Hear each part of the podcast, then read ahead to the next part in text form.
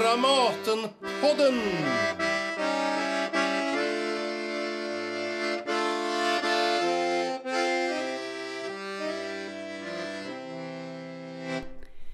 Hej och välkomna till ett nytt avsnitt av Dramatenpodden med mig, Anneli Duva.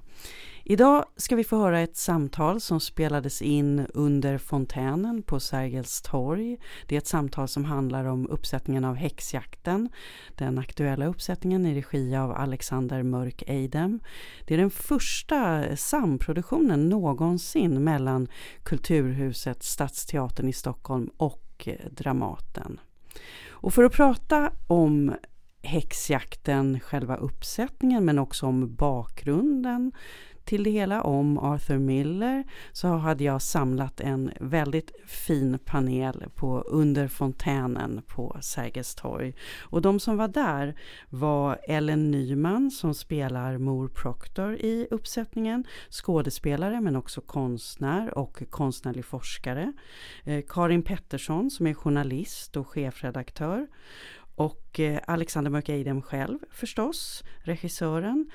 Staffan Eriksson, docent i medie och kommunikationsvetenskap vid Södertörns högskola och Ulrika Josefsson, teaterproducent som har bolaget Jupiter Josefsson och som också är före detta teaterchef på Folkteatern i Göteborg och nu även general, festivalgeneral för Bergmanfestivalen på Dramaten. Och eh, jag började med en ganska lång inledning som jag inte tänker plåga er här med i podden, utan vi ska gå direkt till den första frågan jag ställde. Och jag började då med att citera Ingegerd Varanpäres recension ur Dagens Nyheter. Den hade rubriken En djävulskt bra föreställning. Och sen skrev hon bland annat Regissören Alexander Mörk Eidem han slår an pjäsen som en stämgaffel och låter oss höra tonen förbluffande stark och ren från vår egen tid. Och jag frågade Alexander Mörkeidem om det också var det han hade velat göra, om det var bakgrunden till att han ville sätta upp pjäsen. Det är ganska lång, lång berättelse. Nej, men ja. Det startade ganska länge sedan. Vi har hållit på med en folkefiende på, på Stadsteatern och, som jag tror vi hade som undertitel internt eh, om svårigheten att jobba i grupp. som handlade om eh, demokratiproblem egentligen för oss. Och det var egentligen det vi försökte iscensätta. Där skrev vi om pjäsen väldigt mycket och, och höll på för det, det är en gammal pjäs och man får göra det med när författaren har varit död i ett visst antal år. Det får man inte göra med Miller. Nej. Eh, men Miller gjorde själv en bearbetning av Folkefiende precis innan han skrev Häxjakten. Så det, de hör liksom ihop på något sätt. Uh, sen så, så slutade jag jobba på Stadsteatern och så började jag på Dramaten istället. Och då, då tror jag jag hade nämnt det för eh, dåvarande chef Benny Fredriksson att jag skulle vilja göra den. Så då, när jag kom till Dramaten så fick vi höra att uh, nej, den pjäsen har ett annat teater i Stockholmsområdet rättigheterna till. så det hade Stadsteatern varit och tagit dem. Så när det här eh, samarbetsprojektet började luftas, när båda teatrarna skulle ut av sina respektive byggnader, så kom det en idé om att göra ett samarbetsprojekt och då frågade de mig om att göra det. Och då hade vi några idéer och så, och så kom jag på, ja men ni har ju häxjakten, eller?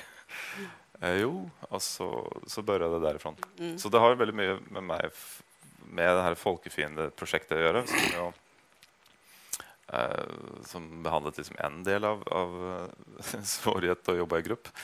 Och eh, det här är ett annat. Mm. Uh, men, det, men, det, som hände uh, under tiden var ju att uh, Benny Fredriksson gick av eller fick, eh, ja, han gick ju av för Och han, han också ta livet av sig. Och det var ju en vän av mig på många sätt. Uh, och det som... Det handlade inte så mycket om kanske... Alltså helt oavhängigt av varför han gick av och vad som hände och sånt så, så, så började jag se på pjäsen lite annorlunda. lite mindre svartvitt. Uh, kanske jag måste göra det, för för i den tiden så hade jag någon sån...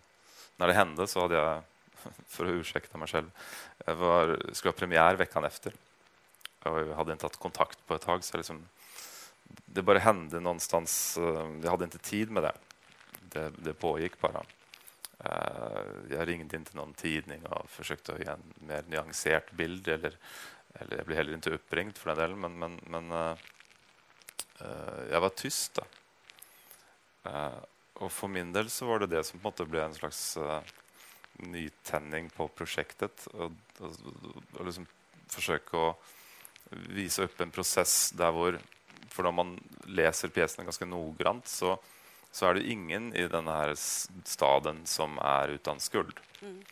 Uh, det gäller samtliga. Det är kanske en som går fri, uh, Rebecca Nurse på något vis. Uh, Eh, men även hon är kanske lite, är lite hovmod som, på måte, som, som, som stökar till det. Men alla någon sätter igång det, någon är mer aktiv än andra, någon ljuger direkt, andra eh, håller sig tyst, några är medlöpare, några säger till först när det drabbar dem själva.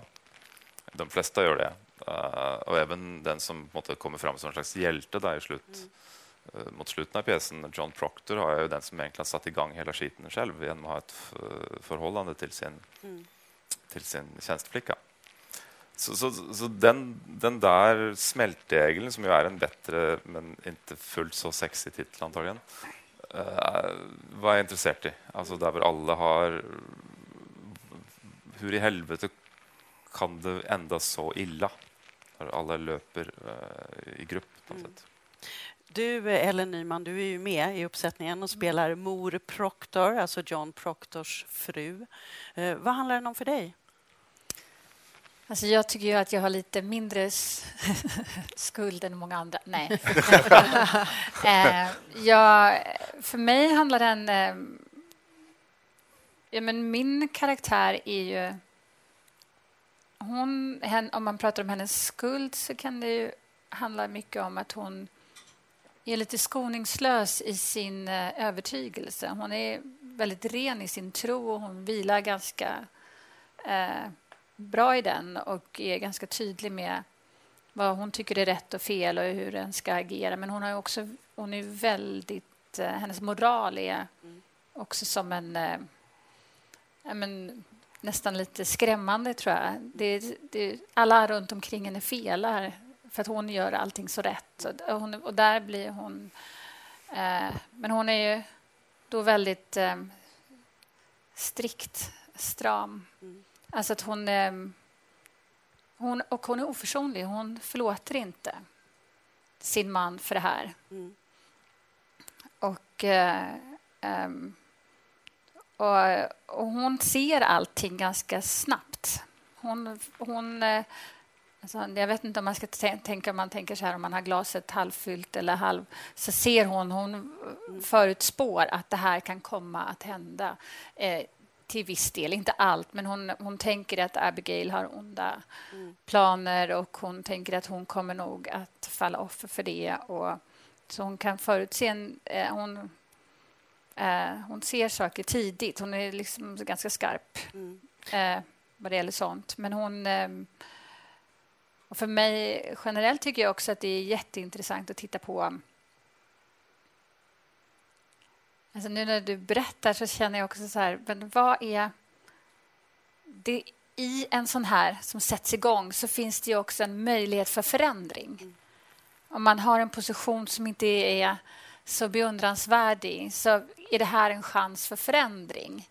Eh, och en del griper den, som Cheever och andra griper den chansen att flytta, sina, flytta upp sina positioner. Och det... Eh, och jag ser väldigt, eh, för då jag, ja, men jag ser väldigt positivt på revolutioner men jag vet ju att det finns många som... Eh, att det, det, vad, vad det när är det häxprocesser och när är det revolutioner. Mm. Man tittar på att helt plötsligt så sätts saker igång och då går det inte att ta in en annan agenda. Nej.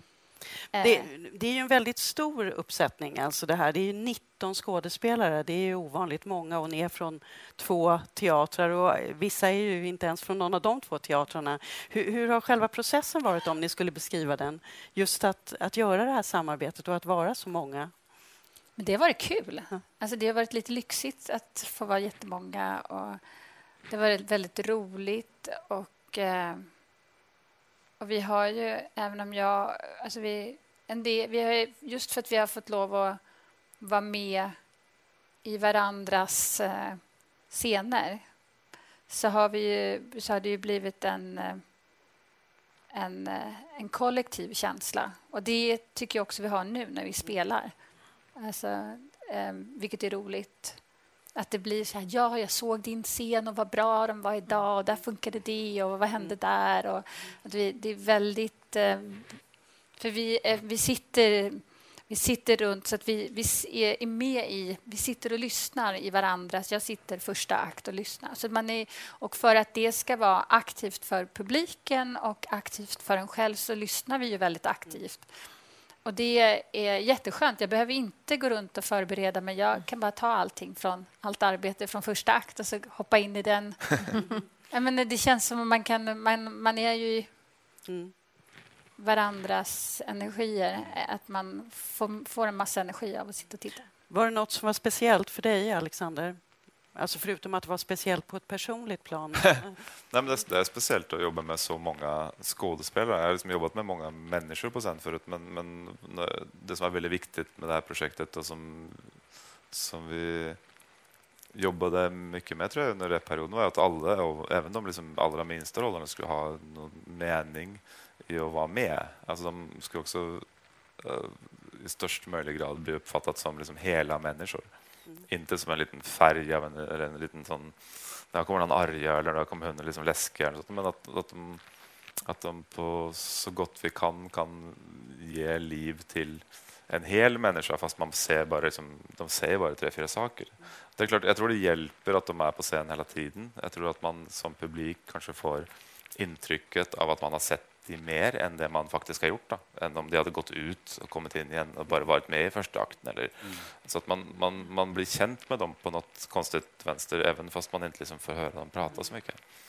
Du, du är ju som regissör, det var en annan regissör som pratade med mig på något av genomdragen vi hade innan, före premiär där. Och så sa den personen just att ja, men det, Alexander, det är så, han är så otroligt verkspecifik.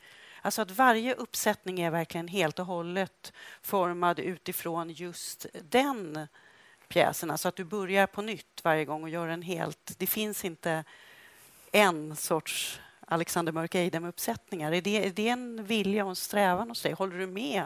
Ja, ja alltså jag försöker det. Jag har säkert vissa tricks och manérer och sånt som kommer mm. tillbaka men, men, eh, men jag försöker att läsa pjäserna och försöker att hitta alla de konstiga saker vi ibland gör från pjäsen, inte liksom lassa på den för utsidan.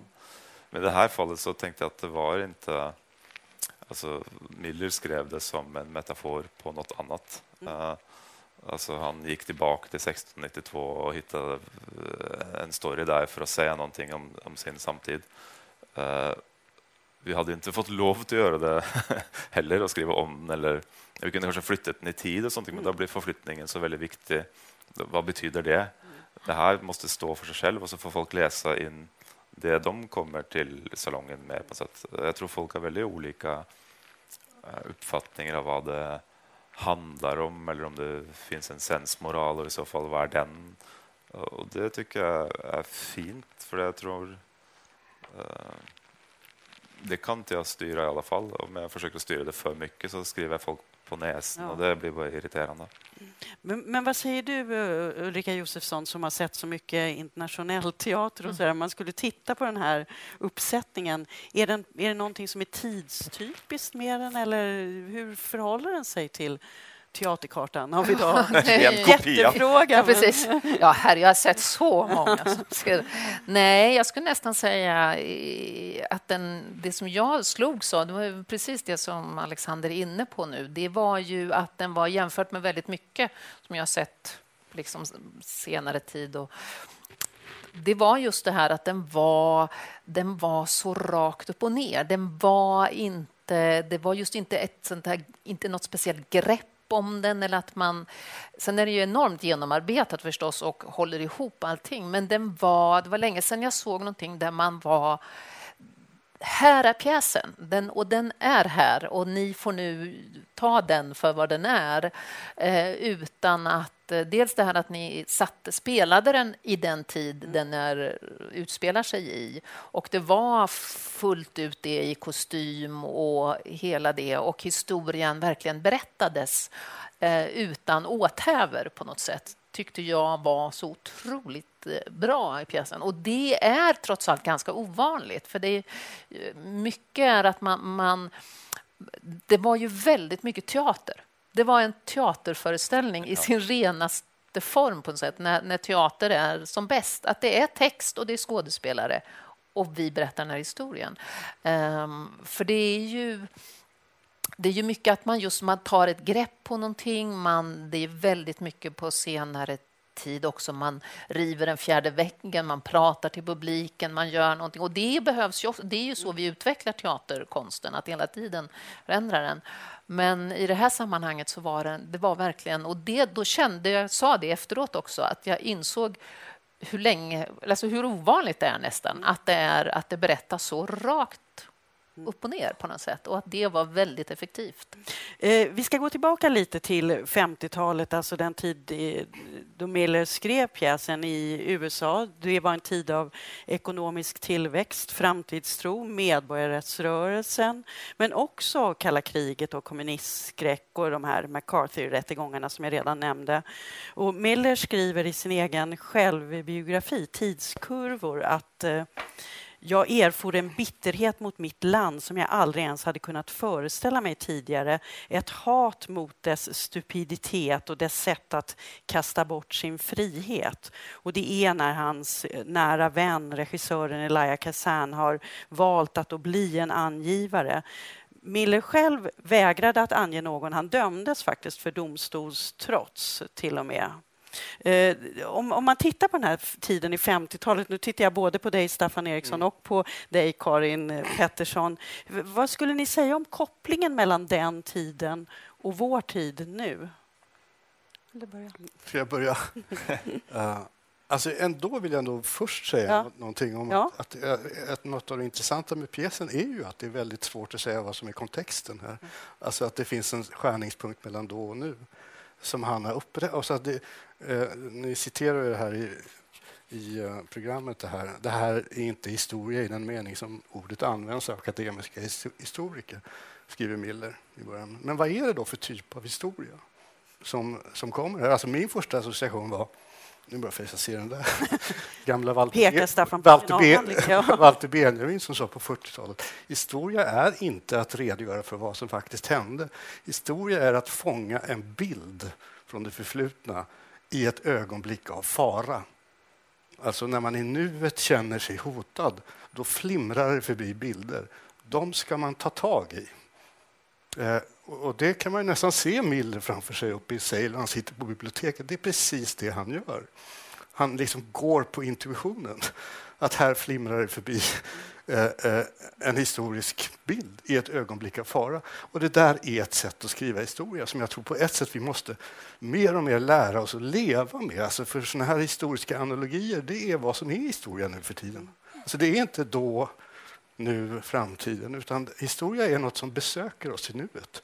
Och då, och då måste vi liksom förhålla oss till det där. Och det var en av de intressanta sakerna med, med pjäsen. Alltså det här greppet är nästan alltså han är på något sätt en föregångare till det som idag kallas för presentism alltså av historikerna själva. Att det är alltid nutiden som avgör mm. Eh, relevansen för historien. Men annars, bara väldigt kort, så finns det ju saker som är jätteintressanta med kontexten. Mm. Som jag tänkte på, eh, alltså mediedomstolen som vi pratar om nu är ju... Alltså de här första McCarthy-rättegångarna var ju livesänd tv. Alltså det var verkligen så att publiken var jury. På något sätt. Alltså både när han blev kändis och när han sen föll mm. uh, genom att göra bort sig i sina förhör liksom, så, så har vi redan den, uh, alltså en tidig form av det. som vi sitter och tittar på, vad, vad det nu är, liksom Michael Jackson, Making a Murder, sådana här domstolssituationer. Det var också min reaktion på pjäsen. Men det är en rättegångsdrama det här, alltså, mm. som 50-talet är fullt av, alltså i de här Tolv arga män och uh, Anatomy of a Murderer och sådär. Alltså att det är en slags, verkligen en domstol för uh, och även där tänker jag alltså Crucible, den här mm. domstolen som en slags uh, forum för att avgöra rätt och fel. Mm. Att, det, att det är väldigt mycket det pjäsen handlar om. Men, och, och även det här grupptänket. Alltså, massan, alltså vi har tappat inre kompasser, vi har tappat traditioner och då blir vi orienterade mot peer groups. Det här är ju amerikansk sociologi från 1950. Det här är den värld vi kommer att leva i. Mm. Och, det, och det, är den värld han skriver om. Alltså. Karin Pettersson. Mm. mm. Nej, men jag tänker när jag eh, läser pjäsen och eh, funderar på liksom likheter, kontext och också tillbaka till liksom ursprungsförloppet med Salem eh, Witch Trials. Att det finns ju... Det är intressant, det är intressant här liksom vad, vad ur historien, precis som mm. du säger, väljer vi oss att spegla oss i och vad är det, vi, vad är det för berättelse vi berättar om oss själva. Och, eh, jag tänker också när jag läser pjäsen, det finns någon likhet med eh, Margaret Atwoods eh, bokprojekt där hon liksom tar tag i ett annat stråk av den amerikanska historien som är inte liksom en eh, berättelse om människor som söker frihet utan om religiösa fanatiker som försöker hitta ett, ett ställe att utöva, sig, utöva sin religiösa fanatism på, den här puritanismen. Och eh, det stråket eh, är ju lika mycket en del av vår eh, berättelse och, ja, som modernitet och upplysning och så vidare. Och så vidare. Och, men också då om man tittar på 50-talet och McCarthy, precis som du skriver, det här liksom tv-domstolen som mm. McCarthy väljer att spela upp allting inför, som ju är projektet. Att, men då med en skillnad att där var det kanske en längre... Liksom hotet, kalla kriget, ändå liksom en längre väg att piska upp. Hotet finns där, men det krävs ganska mycket för att faktiskt piska upp den här, eh, den här väldiga... Ehm, eh, väl, det här liksom väldiga drevet.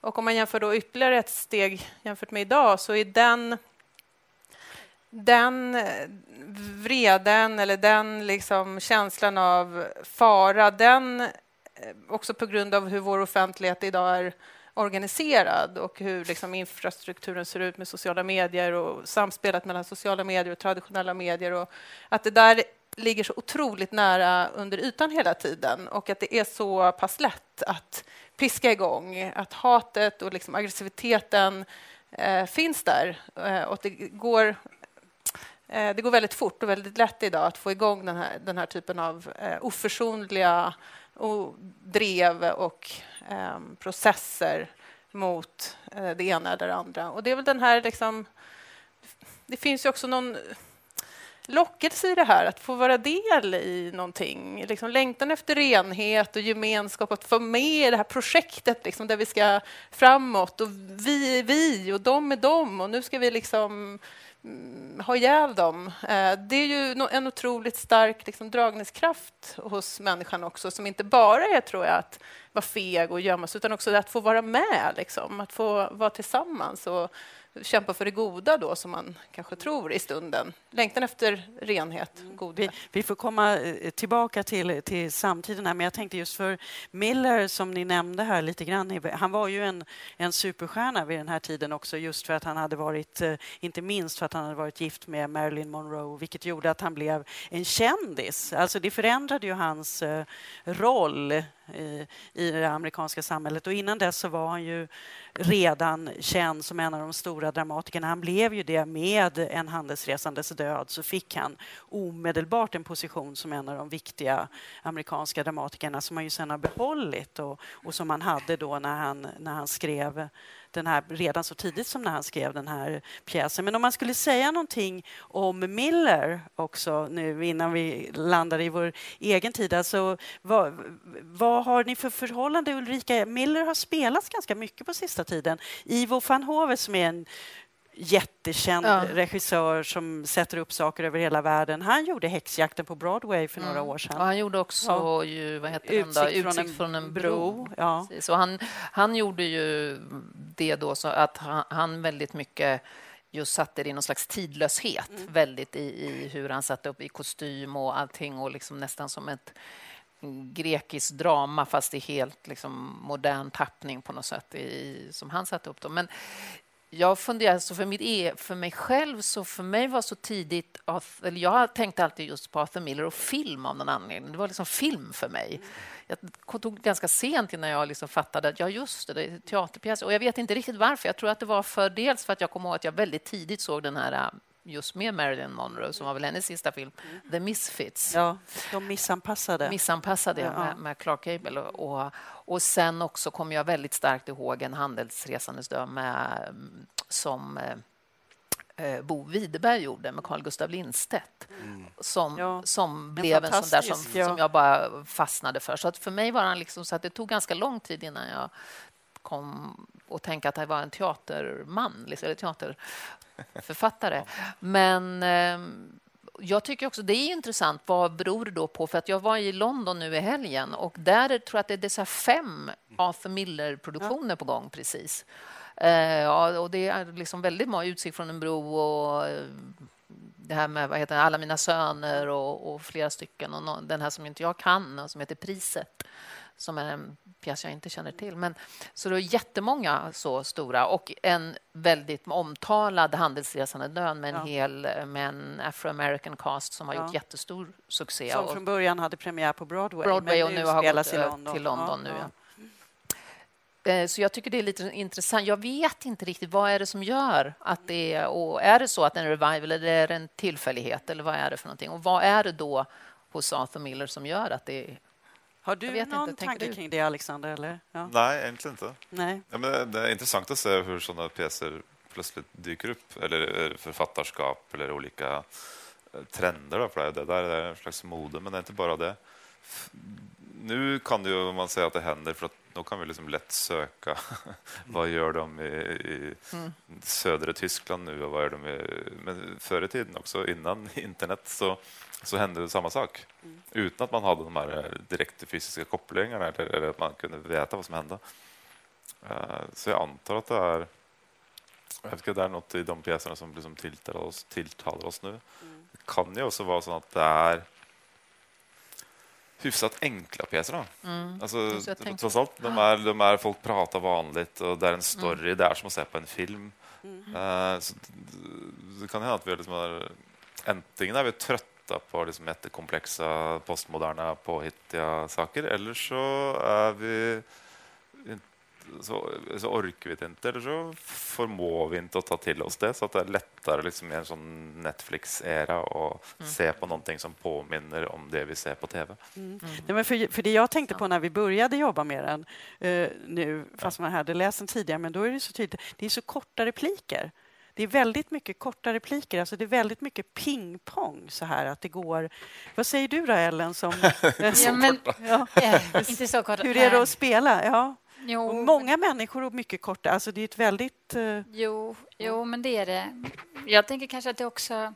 Jag vet inte, det kanske har sitt ut, uh, utgång, sin utgångspunkt i varför gjorde han den här pjäsen? Ja, men han hade något i samtiden. Han blev eh, indignerad och så kände han att han ville skriva något om det utifrån en moralisk... Och det kanske skiner igenom i andra eh, som utgångspunkt för andra pjäser han har skrivit. Och nu är vi ju i en ganska moralis, moraldiskuterande tid så kanske är det därför det är relevant med honom just nu. Att mm. vi behöver det här.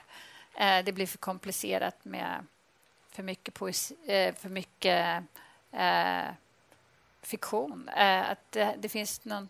Alltså att vi kanske behöver den här mm. moraldiskursen. Mm. Jag vet inte. Jag har ingen aning varför han spelas, men, men eh, det var bara en tanke. Eh, jag tycker att hans repliker är... Nej, men de är, de är ju... Alltså, de är både, de är både korta och lätta och komplicerade för att de också har ett så här gammal engelska ibland um, i sitt... Uh, Eh, alltså, um, han har hittat på ett slags språk ja. i den engelska originalen som är liksom tänkt gammal tid med ja. liksom modernt inflik. Ja, för det tänkte jag, för jag har inte läst den på engelska, hur den är i Nej, den är, den är liksom det är skitsvårt att översätta för han, jag tror han liksom har konstruerat det. Mm. Och då han rör sig friare än en... Alltså Pamela har gjort en jättebra jobb. Mm. Mm. Pamela Jaskowiak har gjort ja. en ny översättning. Ja. Men det är ändå svårt liksom att vara både liksom väldigt ålderdomlig och, och, väldigt religiös till tider och sen ganska sån extremt muntlig och rak alltså, det spännet där är svårt att liksom, mm. göra en översättning, så det hamnar liksom lite mer i, i mitten. Mm. Uh, men, ja. Mm. Nej, men för Staffan Eriksson, jag tänker det, om din avhandling går från Strindberg till uh, Dennis Potter så är det, var, var hamnar Miller där då, som är emellan dem? Om man ser honom i relation till liksom tv-åldern och dramatiken kopplat till tv-åldern som är det du skriver om. Det, du nämnde ju lite det där. Mm. Han, Nej, men det handlar... Nu ja. kapar vi den där avhandlingen. Ja.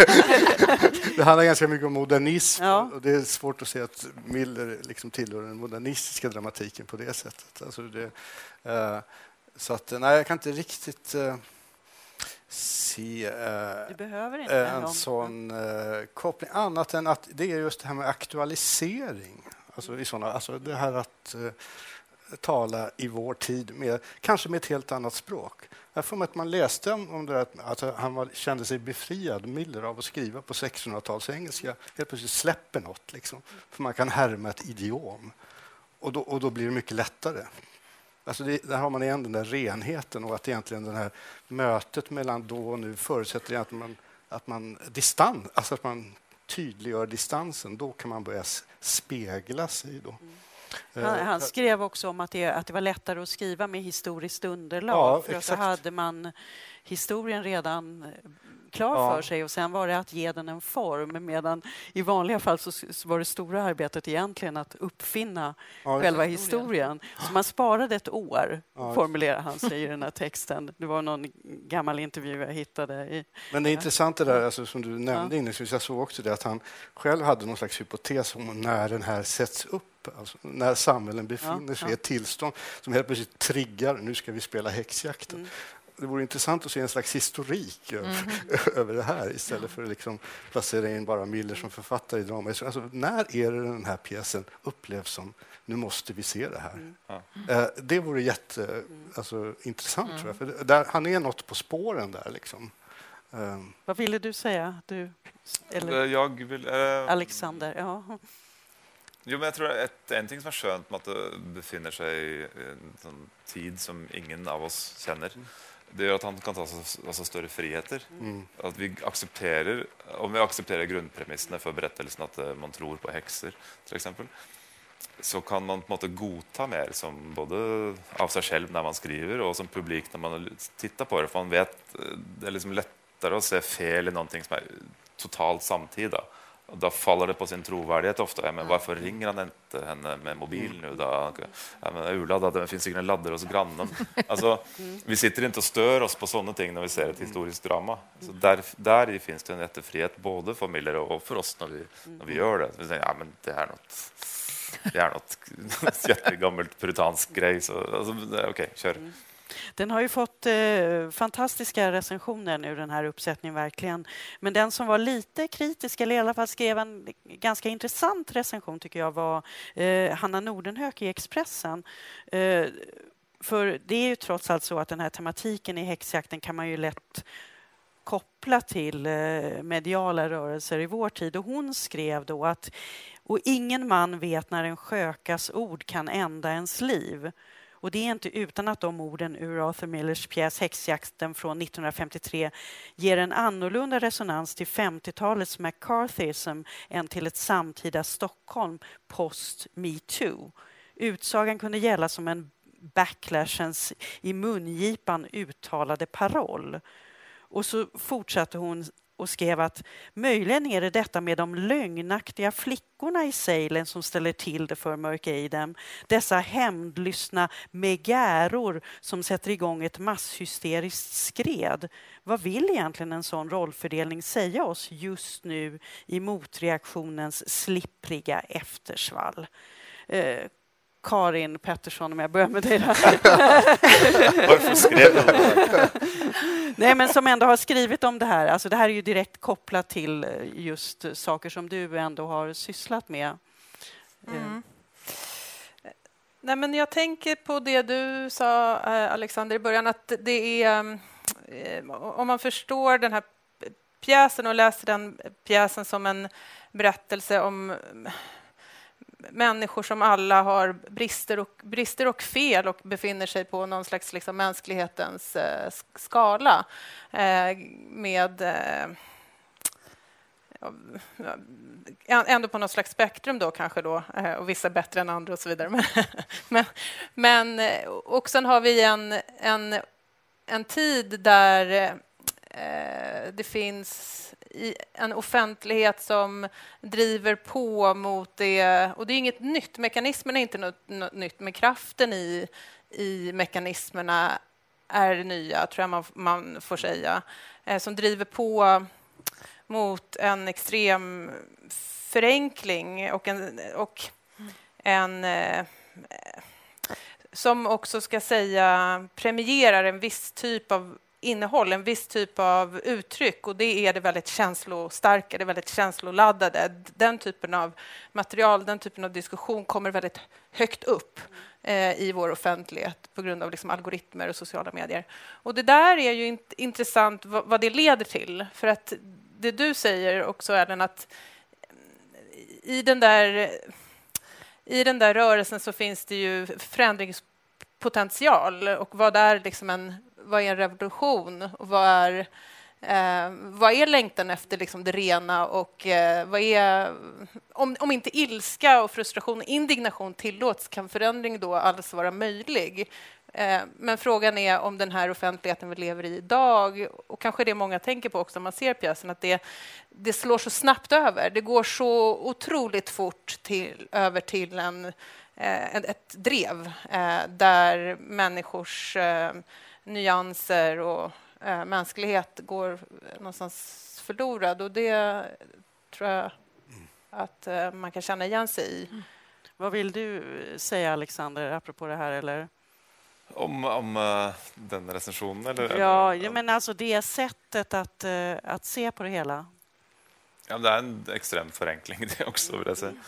Faktiskt. Uh, om vi på riktigt skulle liksom behandlat metoo Eh, så vi har gjort en helt annan pjäs eller skrivit om det. Da kan inte grundförutsättningen vara att det är ett gäng med tjejer som bestämmer sig för att ljuga oavsett vilken anledning. Men, så, så, så det... Jag vet inte om det finns på svenska som, som fan läser Bibeln. Mm. Alltså att man ser det man vill se på något vis, eller söker upp det som bekräftar ens egen åsikt. Och det är på något det paradoxalt nog som vi försöker liksom ta upp på ett annat sätt i den föreställningen. Att, att, att, att, man ska försöka tänka på sin egen position i sådana här skeenden. Om, vi, vi var väldigt, jag var väldigt på jakt efter att vi skulle göra en föreställning om dem, de dumma människorna som levde på den tiden, som till och med trodde på häxor och som gjorde allt det här djävulskapen. Så den ska inte handla om dem, den ska handla om oss. Och det som är så vackert i reparbetet och med skådespelarna. Att de, liksom, de ger sig själva och sina kroppar och sina röster och försöker att ge det här eh, tokarna liv. Då. Och om de gör det på bra nog sätt så kan vi liksom tro på den här berättelsen mm. tillsammans. Och då... Eh, då handlar det inte om liksom någon backlash eller som säger nej, ni tog fel. Det handlar mer om det som jag tycker eller som var planen med musiken, till exempel, mm. det är att i den så ligger en otrolig skönhet mm. och en slags försoning som går lite på tvären av det de håller på med i själva pjäsen. Att det finns ett sätt, som du säger, hennes problem är att hon är väldigt dålig på att förlåta. Och det är väl... Min Privat.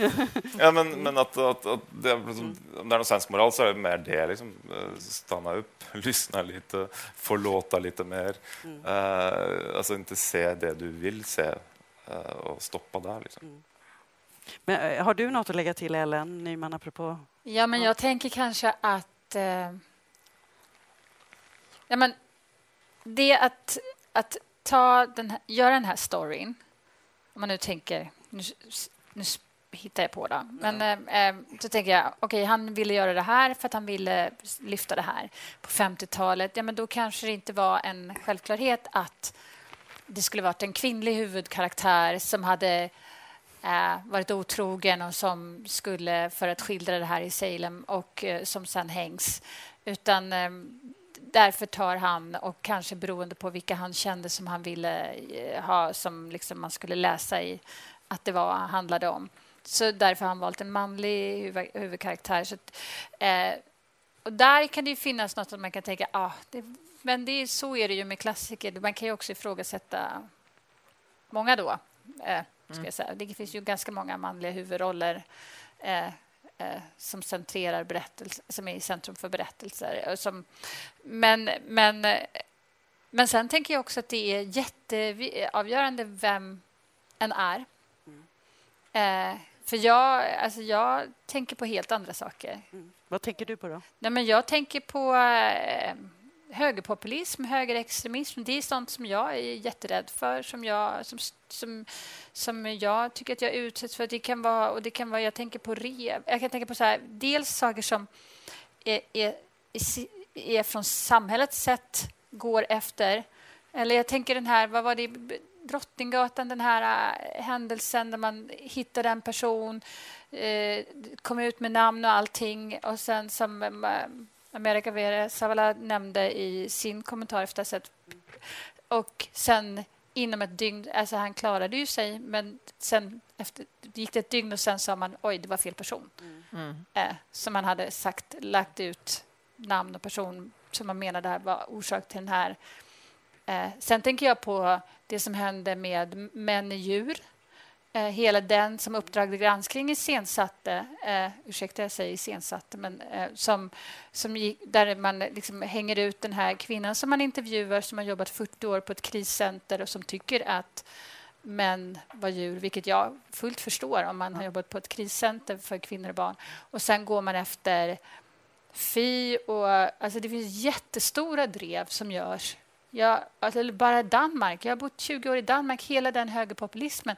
Till sist kände jag är vi är en minoritet som tycker som jag. Alltså, och där känner jag att om jag pratar med personer här nu och säger solen är gul, himlen är blå, gräset är grönt. Jag är inte säker på att vi ens är eniga om det.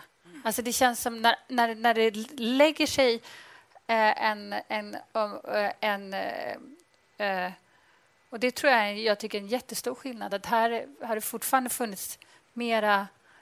Men Öppen, i Danmark så la sig det sig så som ett in över hela samhället. Och, sen.